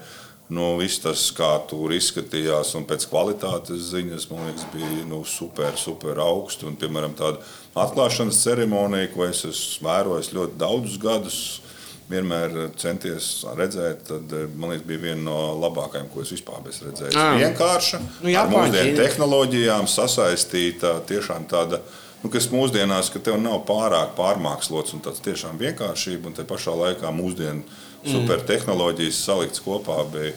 Bija ko ā, pavērot, jā, bet nu, jā, tas, tas, tas, kā tas viss attīstīsies nākotnē, mēs neviens nezinām. Jo nu, sporta pārvaldībā droši vien būs izmaiņas. Es domāju, arī Bahkungs nu, do, daudz ko domā, un visas tās stratēģijas, kas bija sarakstītas šobrīd, viņas nu, būs jāmaina. Mm. Daudzos sporta veidos mainīsies pārvaldība, nu, starptautiskos. Tas būs diezgan, diezgan liela izaicinājuma. Kā Latvijas sportu tas ietekmēs? Kā jums liekas, kur, tas, kur tā ietekme vispār uh, varētu būt? Nu, Rīgas dīnāmo droši vien skaļākais uh, vārds tajā visā. Kas, kas vēl bez? Basketbolā bez laikam. Nu, Es mums, domāju, ka basketbolā. nu, tur bija trīs latvieši, un, kas spēlēja šobrīd. Es domāju, ka tas varētu ietekmēt arī pozitīvi, jo mēs ļoti daudz uzmanības vērsām uz to. Mēs varētu tagad sākt vairāk pievērst uz to, kas notiek pie mums pašiem šeit. Un, nu, tāpatās kā lēnām ir atzīmis šis eh, hokeja čempionāts, un šobrīd jau viņš lēnām, lēnām, lēnām kāp tā interese, tāpat kā par futbola čempionātu, tāpat iespējams arī par uh, basketbola čempionātu. Tas ir sarežģīti. Ir, ir, ir, ir grūti skatīties, saprotu, Jevģīnijas maidu. Man arī liekas, jocīgi, ka mums ir, ja nemaldos, sešas komandas un Igauniem ir astoņi. Tā ir tieši. Nē, Basīt. Ho, Basīt, Latvijas-Igaunijas līgā ir seši. Tā kā, nu, tas ir tas, nu, kā mums vienkārši jāpārdomā pašiem, tas, ko es visu laiku esmu domājis, piemēram, mums ar atbalstīšanu sportam. Kaut kā nav veicies, jo, piemēram, Igaunijā viņi kaut kā pilnīgi savādāk, kad es kādreiz strādāju kā fiziskās sagatavotības treneris volejbolā. Nu, atbrauc volejbola komanda. Nu, tur redz, viņi ir noklēpēti Igauniem. Nu, no nu, Pagaidiet, bet šeit šobrīd jau, žen, man liekas, tieši tas pats ir arī ar Igaunijas basketbola klubiem. Viņiem taču tur, cik es saprotu, ar aplāsu visur, visi vietējie tieši sponsori. Tas ir tas, a mums, piemēram, viņiem ir entās banku filiāls tajā pilsētiņā. Viņas visas uzliek uz tās formas. Mm. Mums Nē, ja tā banka ir, tad šī banka nevar. Ja tā viesnīca ir, tad šis no viena sektora nevar salikt vairākus. Ja? Tur ir kaut kādas nianses, bet viņiem ir tieši tas, tas, tas vietējais, kā viņi šobrīd ir Nu, viņi kaut kā Igaunijā pārdomātāk domā, un tas varbūt arī būtu vērts aizdomāties, ka Latvijā mēs varētu šādi pārdomātāk. Es nu pat biju uz šaušanas sacensībām, tā kā es esmu šobrīd šaušanas federācijas vadītājs. Es aizbraucu apskatīties eh, šaušanas sacensības netālu no Tartu pilsētiņā. Cik viņiem pārdomāti pilsētu vairāk kā 6000 laikam iedzīvotāji, 24 km no Tartu. Viņiem nav vidusskolas. Viņiem ir pamatskolas, bet pie pamatskolas ir uzbūvēta tik skaista sporta infrastruktūra, kur nāk visa pilsēta. Un, eh, bet tik pārdomāti ar visu to, ka ziemā to var skriet otrā stāvā. Nu, tiešām, jā, ir, tie, tiešām nu, pārdomāt tas, kas varbūt trūkst mums, kad mēs. Nu, nu, viens piemērs, nu, tas ir Esenes. Man liekas, Maltā ir uzbūvēts sporta komplekss fantastiskākais, varbūt kāds ir bijis. Par to es tieši nesen eh, klausījos. Jā, jā, jā, jā, jā, kā, tur, nu, tur ir pusotrs tūkstotis, un sporta komplekss. Es, es neatceros, cik bija kopā tas izmaksāja pie tās vidusskolas. Nu, nu, nu, tā, tā jau nu, tāda paralēla ar Sočiem kaut kur. Jā, es, es absolūti piekrītu. Un tas ir tas, kas visu laiku, un tā, cik, nu, saku, tas pats Audentas centrs, kur ir regulāri notiek basketbola Eiropas jaunais čempionāts, un es vienmēr esmu bijuši braukuši, kad bērni spēlēja izlasē. Un, nu, nu, nu, prieks skatīties. Nu, tā pārdomātība, pragmatisms un tas, nu, kas ir tie galvenie sporta veidi, gan tas vieglatlētība, gan tas e, baseins ir un viss tas ir. Un, un, un tā viņiem, saka, nu, pats iedomāties, nu, viņiem. Gan, e, nu, protams, viņiem ir zvaigznes rallija, ja, bet viņiem notiek VRC nu, lielais čempionāts. Ja. Tad viņiem šobrīd mums arī notiks. Mums, mums notiks. Mums tikai vajag izaudzināt to savu elpu, varbūt. Bet, e, Bet uh, viņiem, piemēram, nu, Bietlons, nu, viņiem ir pat divcīņas tramplīns, tepat OTP. Tāpat tās viņš šobrīd. Nu, es zinu, ka mans puika, tad, kad bija šeit sarežģīti, kad lielākā daļa sportistu aizbrauca trenēties vienkārši bērnu no Zigaunijas, viņš bija tajā Kiriku vai kā, kur viņš man atsūtīja bildes no tā meža Es ieraudzīju, es teicu, nu, es tādu zāles tikai Amerikā basketbols. RSU VF jau arī netrenējās, tā kā nevarēja Latvijā braukt uz Igauniju, man liekas, Zēda vadība. Bija nometnes tur, jā, bija. Nu, bet tas jau ne klubiem pārmet. Nu, tas bija. Tas nē, tas nav, nē, tas nav kā pārmet, vienkārši brī, nu, par to, kā viņi investē tādās infrastruktūrās mm -hmm. un kā viņi viņus uztur. Un mans puika vienkārši atbrauc, nu viņš ir sajūsmā. Lai gan viņš arī ļoti labā infrastruktūrā dzīvo un, un mm. mācās un trenējās Kalpaka skolā, ja, kur arī ir fantastiska, nu, fantastiska sporta infrastruktūra. Bet tas, ko viņš tur redzēja, nu, tas ir tas, un viņi investē. Tās ir valsts nauda. Tā ir mm. valsts nauda. Tas nav privāto. Un šobrīd, piemēram, šaušanā tai pašā viņiem arī bija olimpiāds, bet tāda panākuma varbūt kā mums viņiem pat nav. Bet viņi to visu investē, šīs šautos, šīs nu, darbības, valsts palīdz, attīst. Nu, es domāju, tas varētu arī būt tādai nu, struktūrētākai pieejai. Nu, nu, mēs spējam, jo, piemēram, es neesmu vēl bijis, bet cik es dzirdēju no vieglētiem, Nu, mums ir viena no labākajām vieglietīgas jā? šobrīd. Absolūti. Viena no labākajām Eiropā kā cilvēks. Un Es tiešām- tam tieši to arī teicu. Vakar LTV bija diskusija, nevis vakar, aizvakar bija diskusija par nu, Latvijas hokeju bez dināmo. un Tur bija daudzas gudras galvas, un visi tur teica, ka nu, bet tur ir variants, ka var tagad varbūt tev Somijas čempions, sākt Zviedrijas čempions, nu, tur vajadzēs 4 miljonus. un Tad es aizmirsu, kāds ir uzvārds tam kurbatas vadītājam. Viņš teica, varbūt tās Pikāns. pikants. Viņš teica, varbūt sākam ar to, ka sakārtojam mums jauniešu čempionātu pašiem te, lai jaunieši spēlē Latvijas čempionātā. Jo pēc tam par to Igaunijas sakārtotību. Nu, šobrīd nu, Igaunijas izlase ar visu to, ka viņiem ir tie klubi, un viņi ir arī nu, izlases līmenī, viņi ir Eiropas čempionātā. Mēs neesam, nu, nav vairs tā kā bija pirms Jā. desmit gadiem. Es teikšu vairāk, ka jaunatnes sistēmā viņi iet priekšā. Viņi Šobrīd. būs priekšā. Jā. Uz 16, man liekas, vecumā jau nu, Igaunijas izlase tikko, man liekas, Nu, es negribu teikt par vienu vecumu. Nu jā, bet kopumā. vispār. Kopumā, jā, sistēma. Es domāju, ka viņi ir priekšā. Mhm. Tad tu saki, ka Igauniem ir labāk šobrīd jau, jau labāka sistēma. Nu, es, es nevaru tās spriest, es nezinu, detalizēt mūsu sistēmu, viņa sistēmu, bet to, ko es redzu, ka viņam vairāk jaunie spēlētāji jau piedalās. Jā, pieaugušo basketbolā, tad es teikšu, ka jā, viņi ir. Nu, līdzīgi jau teiksim, bija volejbolā, kur uh, sākumā uztaisījām kopīgu līgu, un uh, mēs viņiem tagad mācīsim, kā spēlēt. Nu, jau, vairāk, jau tā viņi arī tā- Eiropas tā čempionātā nu, mēs arī bijām. Bet Mēs viņus uzvarējām. Nu, tur ir līdzīga, līdzīga situācija kā ar komandu skaitu. Nu, cik ir mūsu komandas, cik ir un tas jau arī rada to, tā jau tā piramīda, ka tev tam jaunietim ir uz entajām komandām iespēja aiziet. Mm. Mums jau ir mazāks tas sloks, uz ko. Nu, piemēram, mums, domāju, ir ļoti laba sistēma, bet es nezinu, protams, kā tas viss attīstīsies. Ir florbols. Viņi tiešām ļoti labi strādā, viņiem kaut kā viņi spēj to. Bet, protams, ir jāsaprot. Diemžēl neprofesionāls sports veids tā kopumā pasaules. līmenī. Jā, bet, eh, kā jau teicu, nu, piemēram, kas ir labāk? Nu, tas piemērs no man iepriekšējā sporta veida, svarcošanas, kur Zviedriem nav nekādu lielu startautisku panākumu. Bet viņiem ir svarcošanā viņu līga, kuras ir divas, pirmā un otrā līga, kurā startē seniors, meitene, juniors. Ja? Un pa 12 klubiem katrā pilsētā ir. Nu, tad kas ir vērtīgāk? Nu, vai tas ir tas super panākums, vai tev pilnīgi sporta veidā, kurā nav, tomēr notiek tik liels sacensības, viņi pat piesaista ārzemju nu, sportistus. Ja? Mm -hmm. tā, tā ir tā, tā vēlme, ko mēs vēlamies. Protams, ka tas lielo sasniegumu sports ir tas, tas, nu, tas dzinulis, nu, nu, kas iedvesmo jauniešus un daudz ko palīdz. Bet tad ir jāsaprot, un, protams, arī tas, ka nu, tā kluba sistēma, nu, mums ar vienu vēl tomēr ir milzīgi ieteikumi sporta skolām, ja, ka mēs ir. Un ir kluba sistēma. Tur arī tā, daļēji ar to klubu sistēmu jau veidojās tas, tā attieksme. Mm -hmm. Vecāku ieinteresētība, braukšana līdzi, atbalstīšana. Tādā veidā tā mm -hmm. kultūra ienāk tajā visā, nu, caur tiem vecākiem ienāk tajā sportā. Un, Un tas, ir, tas ir svarīgi, bet, protams, ka nevajag jau šobrīd vienkārši ņemt un tagad visu sporta skolu sistēmu. Ne, mu- nē, nē, muļķības tā nevajag darīt. Bet tas nu, nu, lēnām virzīties pa šiem klubiem, nu, es nezinu, nu, piemēram, tas pats. Milzu darbs ir ieguldīts, piemēram, futbola klubs Meta. Nu, viņš arī Jā. Sāka no nulles. Nu, un tad viņi būvēja, būvēja, būvēja to akadēmiju. Un, caur plus, un līdz ar to, tāpēc, kad ir akadēmija, ir daudz bijušie metas absolventi. Metai ā, ar to visu, ka viņi katru gadu ir ā, pēdējā, priekšpēdējā vieta Latvijas, viņiem ir labākā fanu bāze. Viņiem tas ok, nav tur milzīgs stadions, bet ir ar plakātiem, bungām, savām dziesmām. Visu, tas, tas gan tā ir. Tā ir Tas ir tas, kā, kā nu, to, ko es redzēju. Nav vēl- milzīgs stadions. Kas? Mums vispār Nē, nu viņiem pats priekš Latvijas nav milzīgs stadions. Viņiem ir Hanzas ā, pagaidām, bet ne, tā viņi spēlē Dāngos stadionā. Tās ir izvēles, kādas mēs vēlējāmies. Nu, mēs vēlējāmies pārbūvēt Dāngavas stadionu tādā veidā, kā mēs šobrīd mm. izvēlējāmies.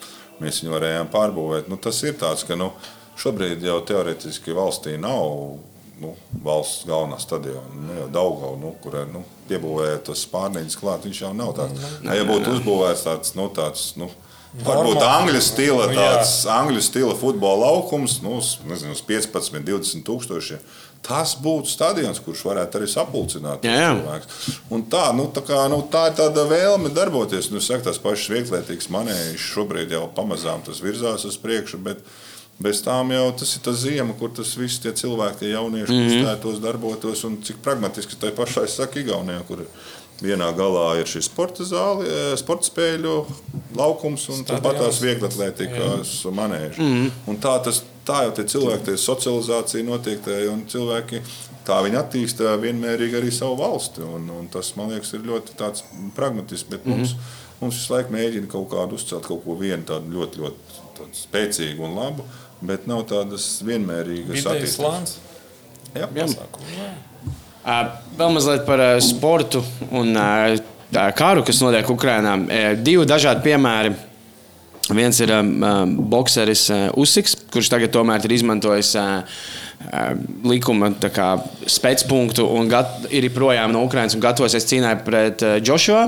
Otrs ir Lomačenko, kurš uh, pateica, ka nu, nē, nē, boks šobrīd vispār nav svarīgs. Boks liekam uh, nost, viņš palika aizstāvēt Ukraiņu. Kā sāks ar tevi, Žaņa, pēc tam arī Raimons. Kā tev liekas, kas šobrīd tādiem lieliem sportistiem, nu, grūti pateikt, kā tev liekas, kur viņi vairāk dod tas, ka viņi iet karot, vai tas, ka viņi tomēr varbūt tās var aizdīt liels cīņas un vērst daudz cilvēku uh, uzmanību par to, kas notiek Ukrajinā, vēl visā pasaulē, kur tomēr tas nav tik tuvu kā Latvijā. Kā Tev liekas, kurš nezinu, ku- ku- Kuram taisnība, kuram Nu, ne, kuram taisnība, kurš varbūt tās kur varie- veids tev liekas nezinu, simpātiskāks šobrīd? Efektīvāks varbūt. Jā. Es nezinu, es domāju, ka pirmkārt nevar būt tik kategoriski vienam taisnībai. Nē, es tāpēc arī nesaku, ka Jā. nav tā. Jā, jā, jā. Es domāju, abi divi viņi ir ļoti lieli patrioti un dara labu darbu savai tautai un valstī. Un tas ir katra cilvēka individuāla izvēle. Nu, Uzsīgs domā tā. Mm -hmm. Viņš jau nekad neko pret Ukrajinu. Viņš tikai Nē, nē, nē, nē. viens no, ko, ko es esmu redzējis, viens no lielākajiem patriotiem. Un arī otrs, boxers, otrs. viņš jau arī ir savā ziņā tur diezgan nu- augsts kotējies. Ja tur Nē, top Lomačenko? vai? Jā, jā, jā, jā, superboxers. Jā, jā. Nu, Man, es saku, man nav Katram tāda- savs. Jā, katram savs. Un, Bet, ja tev tu esi sporta treneris, labi iedomājams situāciju, tad tev spēlētājs pasaka, es tagad dodos uh, karot. Karot? Jā, tu saki, tu mēģini, tu saki, jā, brauc, vai tu tomēr saki, paliec basketbolā šeit, tu tomēr kaut kā ilgtermiņā vairāk var palīdzēt, vai, nu, vai tu saki, ja tā ir izvēle, tad brauc. es domāju, nevienam nav tiesības atrunāt mm. -hmm. cilvēkiem, viņš grib iet karot pa savu valsti. Mm -hmm. Tas ir viņa tiesības.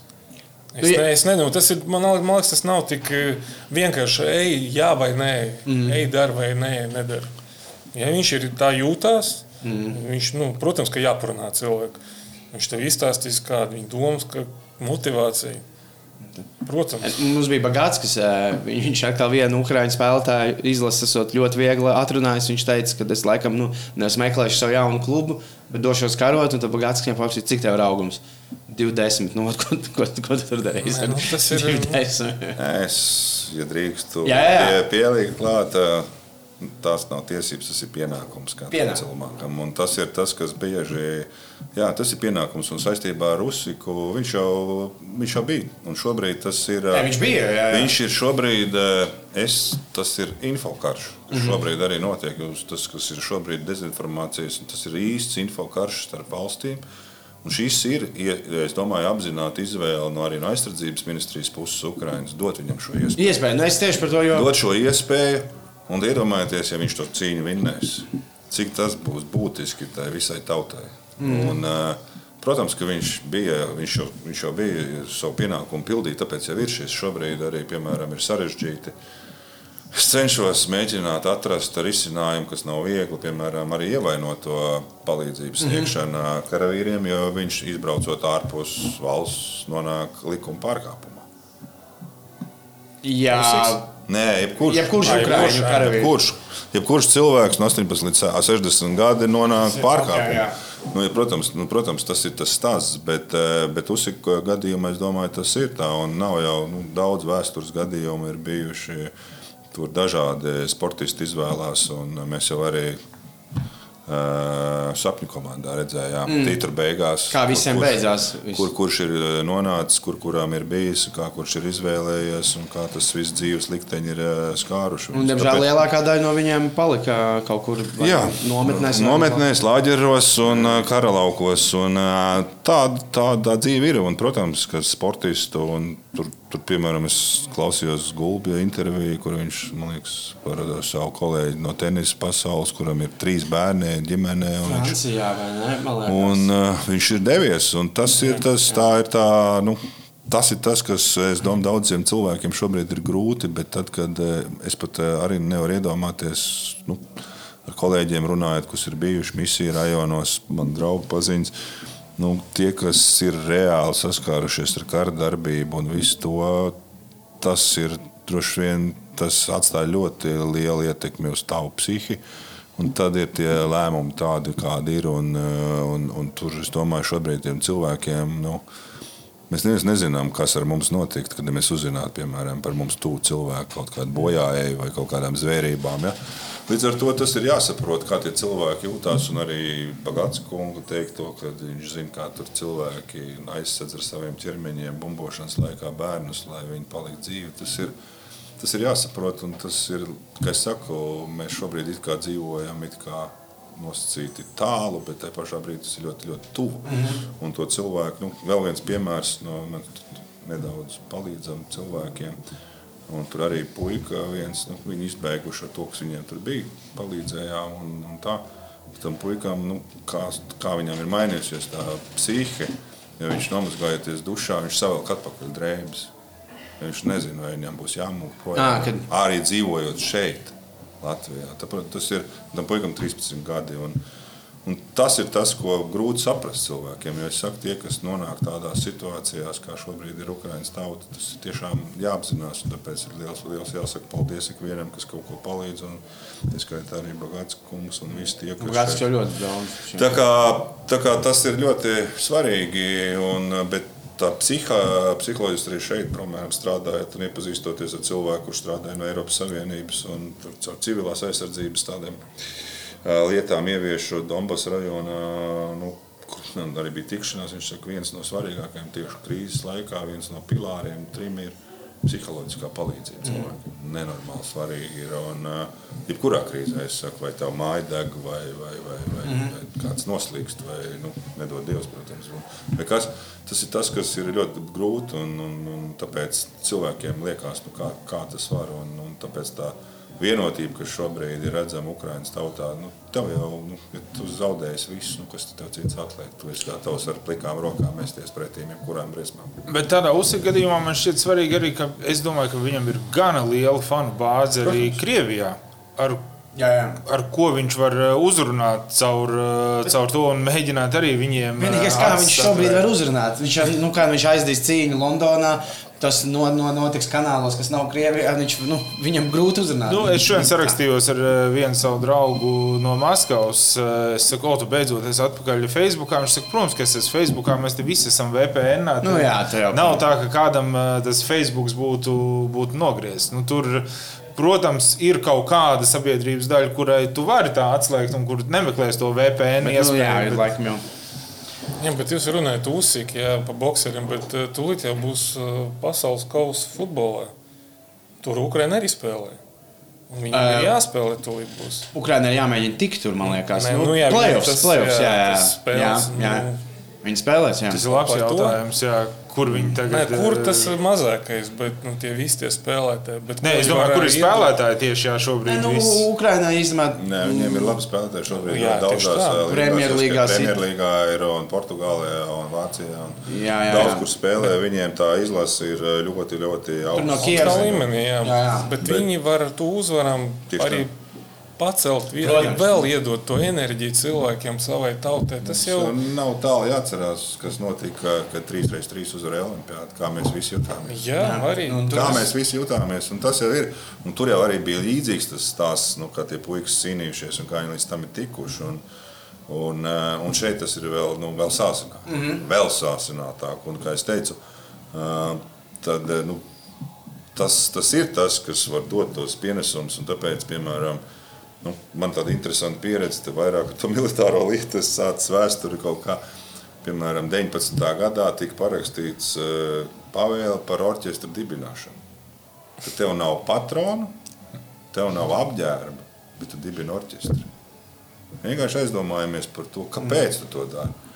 Un tas ir tas, nu, es domāju, jums ir kuram vienam, kad jūs nu, kaut kāds, varbūt, es nezinu, jūs ejat, neiet, bet vienalga, kur jūs redzat kādreiz militāru orķestri, nu, tad, kad viņš tās skaņas un to, to dziesmu izpilda, mm -hmm. jebkurām iekšā kaut kas notiek. Tas, tas, tas neizbēgams, vismaz man tas ir viennozīmīgi. Un, un tas ir tas, kā, nu, kā tu vari nu, palīdzēt, jo nu, tas, ka tiem cilvēkiem ir ārprātīgi grūti, un tas ir taisnība, ka tie cilvēki jau arī karo šobrīd Tu nevari tik ilgstoši izturēt. Tev ir jāsāk atpūsties. Tas neviens cilvēks, neviena, ne otra puse nevar Ne, nu, izturēt. es vakar, nevis vakarā, bet eh, kaut kā man atsūtīja. Es pats ikdienā nodarbojos ar stand-up komēdiju, un man atsūtīja, es, es mazliet domāju, vai Latvijā vajadzētu tagad uzstāties ar komēdiju. Man atsūtīja bildi, kur uh, Sumika pilsētā, bumba patversmē, uh, komiķis, ukrāņu komiķis, bumba patversmē ir ieslēgts viens prožektors, viņam mikrofons, viss, kas bumba patversmē, viņš jau māca stand-up komēdiju, visi smējās. Nu, arī bumba patversmē ir jādzīvot. tā kā. Nē, nē, nu, kā, nu, kur mēs visi zinām, no karavīra dziesmas, nu, no Jā. kurienes tas viss rodas. Jo tu jau vienkārši, nu, tu, tu psiholoģiski, nu, tu, tu, tu, tas spriedzi ir tik milzīgi. Un Tāpēc ir vajadzīgas šādas lietas, un tāpēc šis lēmums, kas tiešām, tik, cik es arī publiski sapratu, tas ir atļauts no aizsardzības ministrijas tieši uzsikungam un uh, doties un gatavoties. Un, Es saku, nu, tas ir tas tāpat tās kā kāds ierocis. Nu, Tas tā kā ierocis, tikai ierocis. Nē, es saku par to arī, ka daudziem cilvēkiem, nu, nezinu, tikko bija tur Rēzaknē, tas pasākums, kur arī pats piedalījos, vēl arī kaut kāda dziedātāja izdod. Mūzikas dziesmu par, nu, par Ukrāņu, Katrīnu Kupalo viņa sauc, man liekas. Un varētu domāt, kā, hei, kāda jēga, kāda jēga, ka mēs no tā tiekamies. Visos arī tas reizes pasākums ieejam YouTube pie komentāriem. Tur ir ļoti daudz komentāru no Ukrāņas, kad, wow, paldies, kā mēs jūtam šito pie dziesmas. Nu, kā, tas viss palīdz. Un, protams, ka tie Ukrāņi arī tajā bumbu patversmē skatīsies, kā cerams, ka tad viņi vairs nebūs, varbūt bumbu patversmē, bet, ja būs, tad viņi sekos līdz kā uzsakam iet. Nu, Nu. Jums vēl viens piemērs, kas ir ar sportu saistīts. Nu, tas ir uh, jebkurai valstī. Himna. himna, jā. Kāpēc tad viņi ir? Tas ir tas, par ko un tad es saku, mēs iespaidīgākās, kā parasti, kas man ir vienmēr nu, tā, ka es arī tuvu, tuvu ļoti emocionāli skatoties, esmu, kad ir regbija čempionāts. Tieši zēns stāv pa tiem 100 kg ar izstāstās Šīm diezgan raksturīgi kakliem savā un ar asarām acīs dzied visas tās himnas. Tas ir tāds Bet iespējas. himnā tie vārdi, tas arī ir eh, nu, tā, ka uzrakstīt tādus vārdus tā kā šodienai, nu, viņi ir Bet kā es domāju, ka šodienai. daudzām himnām. Jā, viņi tajā brīdī saslēgtos. Es domāju, ka tev arī Latvijas himnas vārdi, ja būtu kaut kas tāds, tu, Nu, nu, jā, mēs bieži šobrīd ar to neizdomājam. Es starp citu es ļoti daudzreiz uzdevu jautājumus un cilvēkiem pajautāju, vai ziniet, kā nu, himnas vārds padomājat, kas tur tiek teikts. Un, eh, nu, jā, tas, eh, un tāpēc man arī bija tāds dzīvē gadījums, ka mums bija, man bija lemts un palīdzēt atjaunot. eh, Un, eh, kas bija iznīcināts krustu brāļu kapos eh, zem mātes Latvijas. Nu, un tad tu to dzirdi, to himnu, tad ir drusku jāpadomā par tām mm. lietām.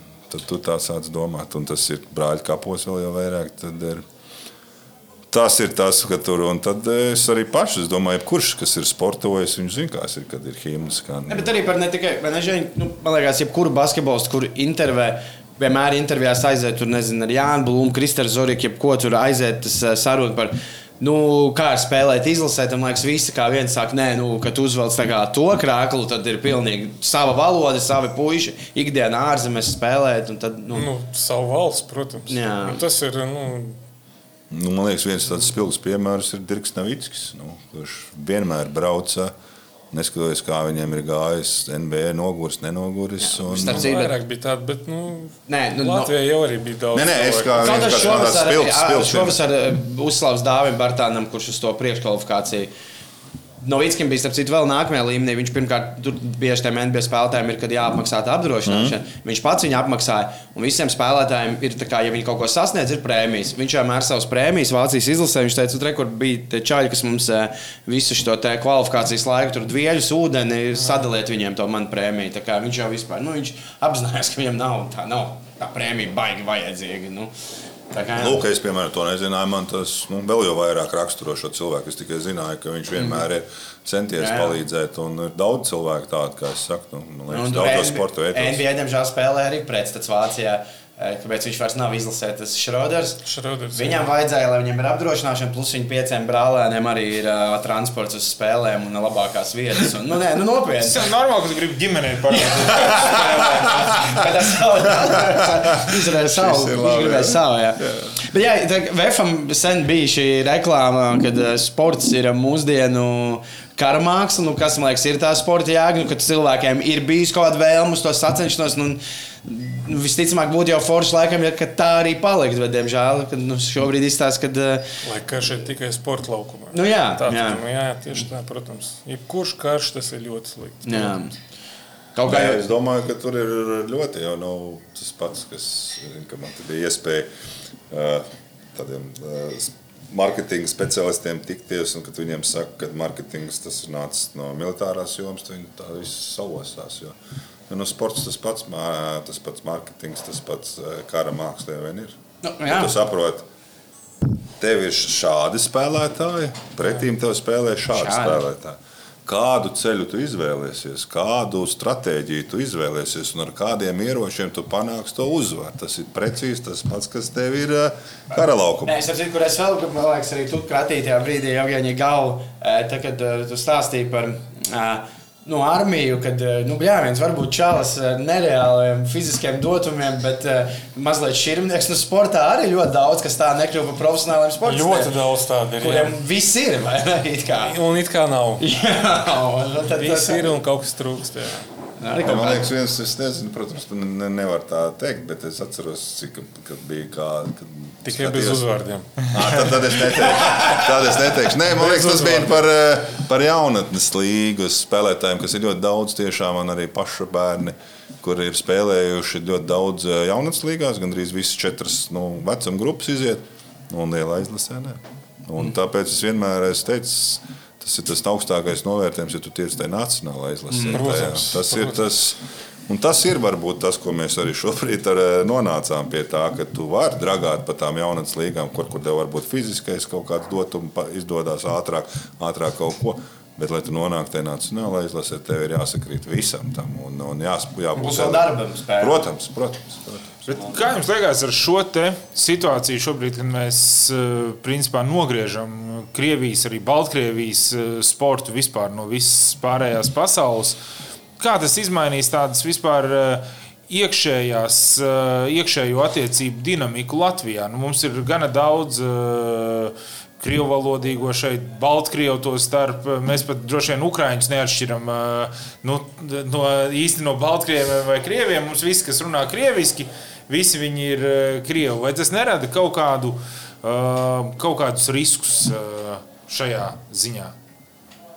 Caur sportu. Nu, to starp caur sportu, nu, caur, caur visu. Mēs pasakām tajā brīdī, ka viņi pilnīgi visi ir slikti. Mēs arī tur arī nosacīti labie sportisti nedrīkst nekur piedalīties. Es Nē, tikai nu, diskusijai par to, nē, kā jums nē, nu, nu, tas jau arī tad man drusku jāpieskarās. Negribējās tam skarties klāt no tās manas uh, ikdienas politikas. Nu, tas ir tāpat kā bija rosinājums. Nu, tad ir pārskatām visas termiņu uzturēšanās atļaujas. Un tad, nu, apmēram, šķirojam. Labs, slikts, labs, slikts. Nu, saku, tu tur reāli katrs jāintervē. Nu, Nu, tad- nē, nu, tad mums ir piemēram režisors Manskis, kurš ir aiz- aizmucis no Krievijas kara laikā, un viņam ir termiņu uzturēšanās atļauja. Nu, tad mēs viņu tā kā raidām ārā. Un Kas Jā, jā. tur notiek? Nu, Ko tas darām? ir tas, nu, nē, nu, tā nevar. Tas Bet ir tu, tas, tu prasi par to, par tiem cilvēkiem, kas jau šeit ir, vai tie, kas Jā, vai, šeit vai ir? tas nerada kaut kādu papildus spriedzi? Zini, kā es varu pateikt, eh, tas, ko es esmu novērojis, ap citu arī dzīvojot Agnēs Kalnā, tuvu uzvaras piemineklim, kad tur reizes gadā. Nu, man liekas, ka tie, kas eh, mums vienkārši vienreiz bija 9. maijā, bija situācija, ka Latvija tieši 9. maijā kaut kāds 0,6 zaudēja Krievijas izlasē. Nu, mēs gājām garām eh, uzvaras piemineklim, bija, mēs bijām kaut kur skatījušies spēli, mēs bijām Latvijas kreklos. Viņi, viņi zināja, viņi tā, ej, kāds ir rezultāts. Mēs tā, nu, 6-0 vinnēja Krievija. Jā, mēs zinājām un rādījām mums vidējos pirkstus. Nu, man liekas, ka ir tie cilvēki. Nu, Viņi, nu, viņi, ar viņiem ir tā, kā ir. Nu, ir krievalodīgie cilvēki, kas, zinu, kas ļoti atbalsta Latvijas izlasi. Tur es Es domāju, domāju, viņš runā par kaut ko citu. Tur runā par iekšējo kultūru. No Nē, nu. Tas ir vienalga, kāds. Nu jā, nu tur mēs aizliegsim viņu, eh, Es nezinu, es- tādu problēmu neredzu pagaidām. Nu, ka viss- valodīgie, ja kā tu nosauc pret latviešiem, ja, kad eh, līdz ar to kā arī ir kaut kādas problēmas. Nu, pagaidām es to, nu, es to nejūtu. Es strādāju organizācijā, ja? es nejūtu to sevi. Mm. Man grūti pateikt par visiem. Es nezinu, kas notiek futbolā. Labi, tur runā latviešu. Nu, labi, es iemācījos. kas tur tāds? Tas Nē, nu, bet eh, mēs jau kā teikt, man liekas, Latvijam tas ir ja kāds ir iemācījies runāt latviešu, viss viņš ir brālis viņam. Jau tur, ja viņš ir tādu valodu apgūs, mēs vairs neko neprasām. Tur, uh... Nē, man, man, nu, es neredzu, es, es saku, es dzīvoju pļauniekos, man nav problēmas ar to. Nu, ja kādam ir kaut kādas ilūzijas, ka dzīvo rajonā, un es to neredzu ikdienā, varbūt es ne tur staigāju, ja? varbūt, bet man nav tādas problēmas. Ja mēs runājam par maniem, arī mūsu sportam, ne basketbolā, es arī to ne, nejūtu. Nu, varbūt kaut kur citur ir, bet es nemāku par to pateikt. Mm. Kāpēc basketbolā vispār nav krievu? Kā tā nav? Ir. Kāpēc nav? Ir. Nu, Latvijas basketbolā man liekas, tas ir. Varbūt, jā, jā, bet nu, apmēram ar vienīgo mēs Būtjankovs arī. Nu, nu, jā, pak, jā, pak, bet ne. tas ir tik, tik, tik salīdzinot tur. Labi, ne, tagad gan šķiet, tev. Igors Meļņiks. Bet viņš, viņš nav no Latvijas. Viņš ir no Ukrainas. Ah, jā, pareizi. Viņš ir no Ukrainas. Bondarenko. Nē, nu kā, nu labi, vēsturiski ir, ka Krievi vajag iet uz futbolu uz hokeja gāja, bet tagad hokejs man liekas, hokejs arī ir daudz labāks. Jā, jā, jā. Kad Nē, es domāju, tur tas, tā, tā, tā vide mainās. Tad, ja tev sāk strādāt treneri latvieši, ja? tad, kad piemēram futbolā un hokejā nebija tik daudz treneru, latviešu runājošu, ja, tad, visiem, tad arī bija mazāk. Šobrīd tas viss mainās. Tas mainās arī futbolā, tas mainās arī hokejā, tas mainās jebkur. Un tad, ja tev ir, nu, tas ir nu, kā futbolā, nu, jā, nu, es arī puika gribēju spēlēt e, futbolu. Tad bija jāmeklē, kurā klubā tur treneris nu, spētu ar viņu komunicēt, jo viņš nerunā nu, krievu valodā. Nu, kā tad es ar viņu, viņš maziņš, nu, nu, viņam, kurš kaut kāds jāsaprot, ko viņš tur darīs tā laukuma. Tā, kā, tā, kā tā ir tā vide, kādā vidē mēs dzīvojam, kā tas viss attīstās. Un, un vēlme, nu, nu, kuram cilvēkam, nu, kā, viņš, kā viņš jūtās. Nu, es nedomāju, man liekas, ir kurā vietā, piemēram, es, ja sevišķi, es domāju, tādā, piemēram, Igaunijā. Es arī neesmu daudz, nu, man liekas, tajās lielajās komandās neesmu redzējis daudz uzvārdus. Krievu? Jā, bet ir arī. Nav daudz. Nē, bet ir, jā, bet ir, ir tas, ir, tas ir tas stāsts, ka tas jau nenozīmē, ka tur neiet cilvēki. Nu, varbūt eh, viņiem.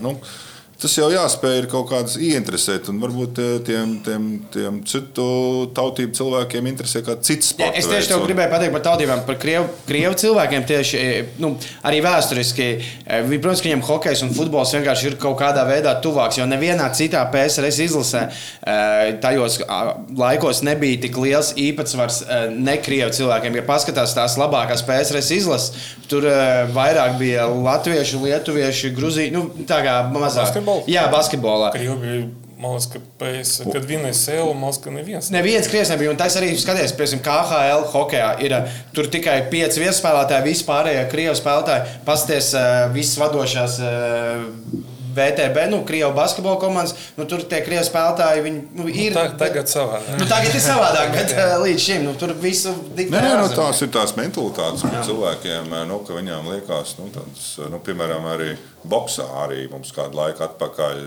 nu, nebija tā vide tāda. Jā. Šobrīd, nu, pateicoties dažu cilvēku tādai spējai tajā visā, tas viss ir mainījies. Cilvēki šobrīd pavisam savādāk skatās uz boxu. Mēs varam atcerēties, ka nu, padomu laikos bija daudz cilvēku, talantīgi arī pirmskara periodā. Nu, tas ir tas, ka tev ir nu, tā, tā vide jābūt tādai, lai tur būtu. Un mums jau arī likās, nu, mums drusku arī tajā sabiedrībā tā attieksme, nu, nē, nē, boks, tas kaut kas tāds, war, war, war. Bet pasaulē tas ir eh, ļoti aktuāls, pieņemams visās pasaules valstīs. Nu, tagad jau pamainījās. Jā, jā, tāpēc es jā. saku, tāpēc ir tas, ka tev vienkārši nu, nē, mums tas nav pieņemami. Vai, jo vai līdz vienam brīdim cilvēkiem boks pat... likās kautiņš. Jā, tas nav kautiņš. Tā, un īstenībā, nu, džentlmeniski, un, piemēram, nu, tas pats regbijs un, un futbols, nu, lai cik tas dīvaini, regbijs bija aristokrātu. Regbija, tātad. Sporta veids un, un, un futbols. Regbijs bija... ir viss. Jūs zināt, ka tur ir regbijā ir tunelis vai ne? Pēc Jā. zaudētāju uztaisījuma. Un trešais puslaiks, man ir čoms, kas izlasē spēlē trešajā puslaikā, ir ļoti jautri. Un arī, piemēram, Skotijā, nu, man brālis dzīvo Skotijā, tur tā fanošana par regbiju. Viņi fano tikai par savu komandu. Tur ir bijis situācijas spēlē Skotija, Itālija, tas ir sešu nāciju Ka- jā. jā. Un ir viens skotu fans, kurš ir bijis vairāk iedzērs, un viņš vienā brīdī sāka nevis fanot par uh, Skotiju, bet viņš sāka vairākas reizes pateikt kaut ko. Ē, tur tu smirdi, nu, kaut kādam tur itāļu spēlētājam. Līdz viņa beigās vienkārši viens cits skots paņēma, tā kā nop, un izmet ārā no stadiona. Pats cits, jo mēs šodien tā nedaram. Te mēs atbalstam, un bet cienam arī to pretinieku. Nu, jā, tur taču vispār pat jebkurā spēlē tev fani nav jāatdala. Viņi vienkārši Jā, visi jā. var uh, būt kopā, lai arī liek, un paskatoties uz viņiem.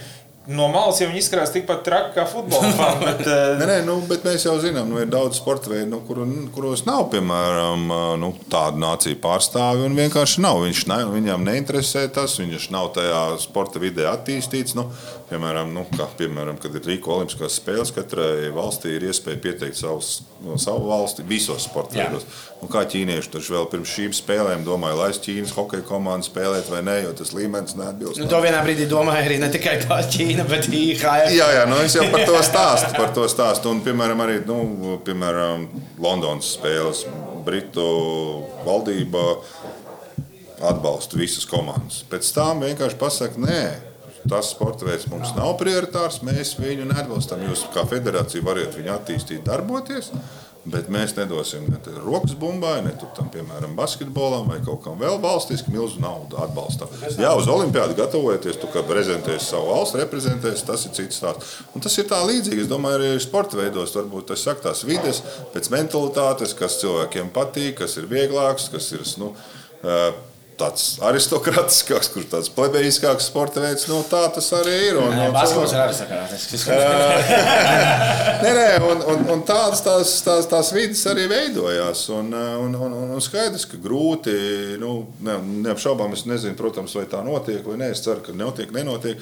Tā jau arī tā vide, lai tie bērni būtu pietiekoši nu, neapbižoti. Piemēram, ja kāds kaut ko varbūt sliktāk runā vai latviešu, vai, vai krieviski, vai kādā citā valodā, un lai arī tas nenotiktu. Un, un tā ir tāda baigta svarīga lieta, bet, protams, arī. Nu, Tā vecāka attieksme, kas kādreiz man ienākot citos sporta kādā pasākumā, kur vecāku nu, tā pārdzīvošana tai jaunai paudzei liek aizdomāties par viņu vispār mentālo.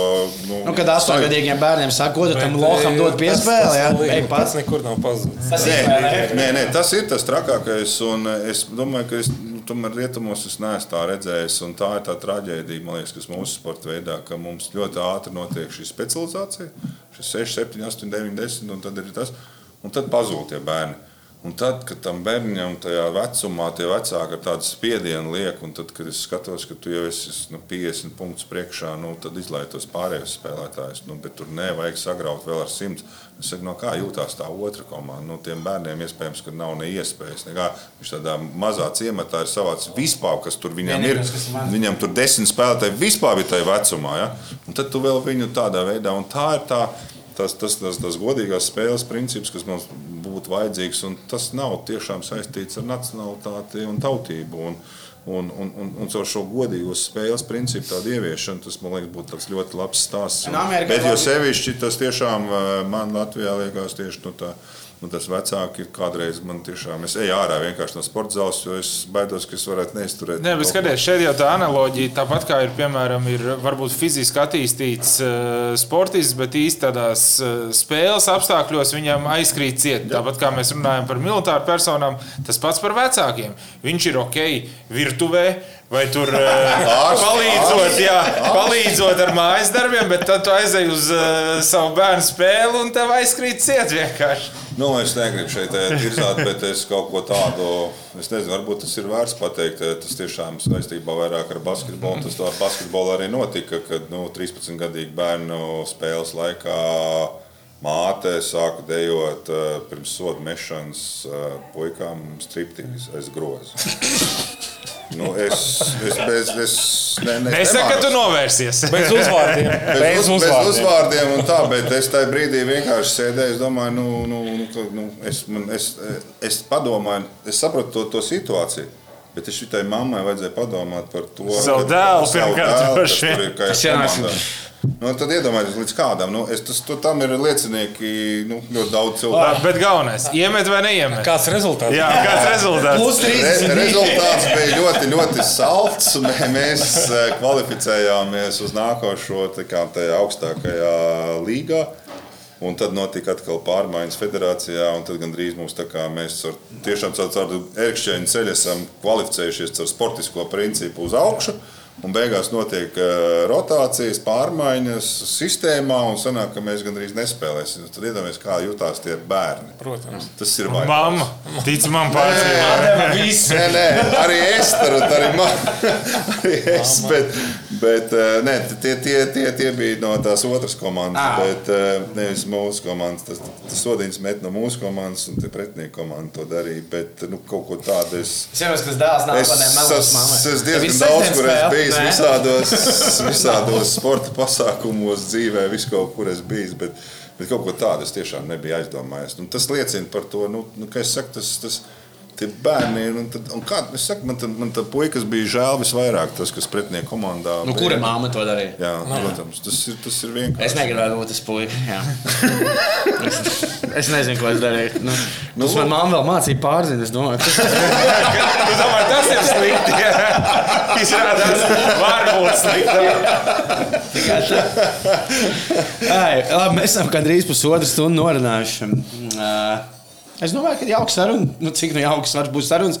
Un, uh, nu, es saku, ceru, novēlu jums, ka uh, nākotnē mēs dzīvosim, kur, karš, eh, kur sports ir tas vienīgais karš, kas notiek. Un tā, man liekas, būtu forša pasaule. Un bez striptīza. Jā, nu, Tā laikam- būtu forša pasaule. Bez striptīza 13 gadīgi bērnu basketbols. Uh, es laikam, jā, es nezinu, vai es gribētu, lai saucās sports kā karš, bet, bet uh, es gribētu, lai karā, kas šobrīd nenotiek, arī būtu šie kara likumi, kur ir, un viņi tiktu ievēroti. Ievēroti, jā. Šobrīd viņi netiek ievēroti, līdz ar to es nevaru tos cilvēkus, kas neievēro, saukt par karavīriem. Un tas ir tas, ko es vēlētos. Mm -hmm. Es par to godīgās spēles principu arī teicu, gan sportā. Tas ir Jā. Jā. tas, kas vienmēr ir, ko es arī centies saviem bērniem. Vienmēr teicu, ka tev ir jāpasaka paldies pretinieku komandai, tev jāpasaka paldies tiesnešiem, tev jāpasaka treneriem, atbalstītājiem, visiem. Jābūt godīgam. Tas nav viegli, tas ir ļoti grūti, jo uzvarēt jau gribās, un kaut kādas mm -hmm. mazas pārkāpumus jau tev vienmēr gribās, un tas ir ļoti sarežģīti pieņemt tos lēmumus. Bet, eh, bet ja mēs nu, skatāmies arī uz karu, kā es teicu, tad ne, nepavēlti ir šie kara noteikumi, kurus tu pārkāp. Tad, nu, ja, es domāju, ne sportā tev cieni, ja tu nespēlē godīgi, ne arī karā. Paldies, ka atnācāt. Paldies!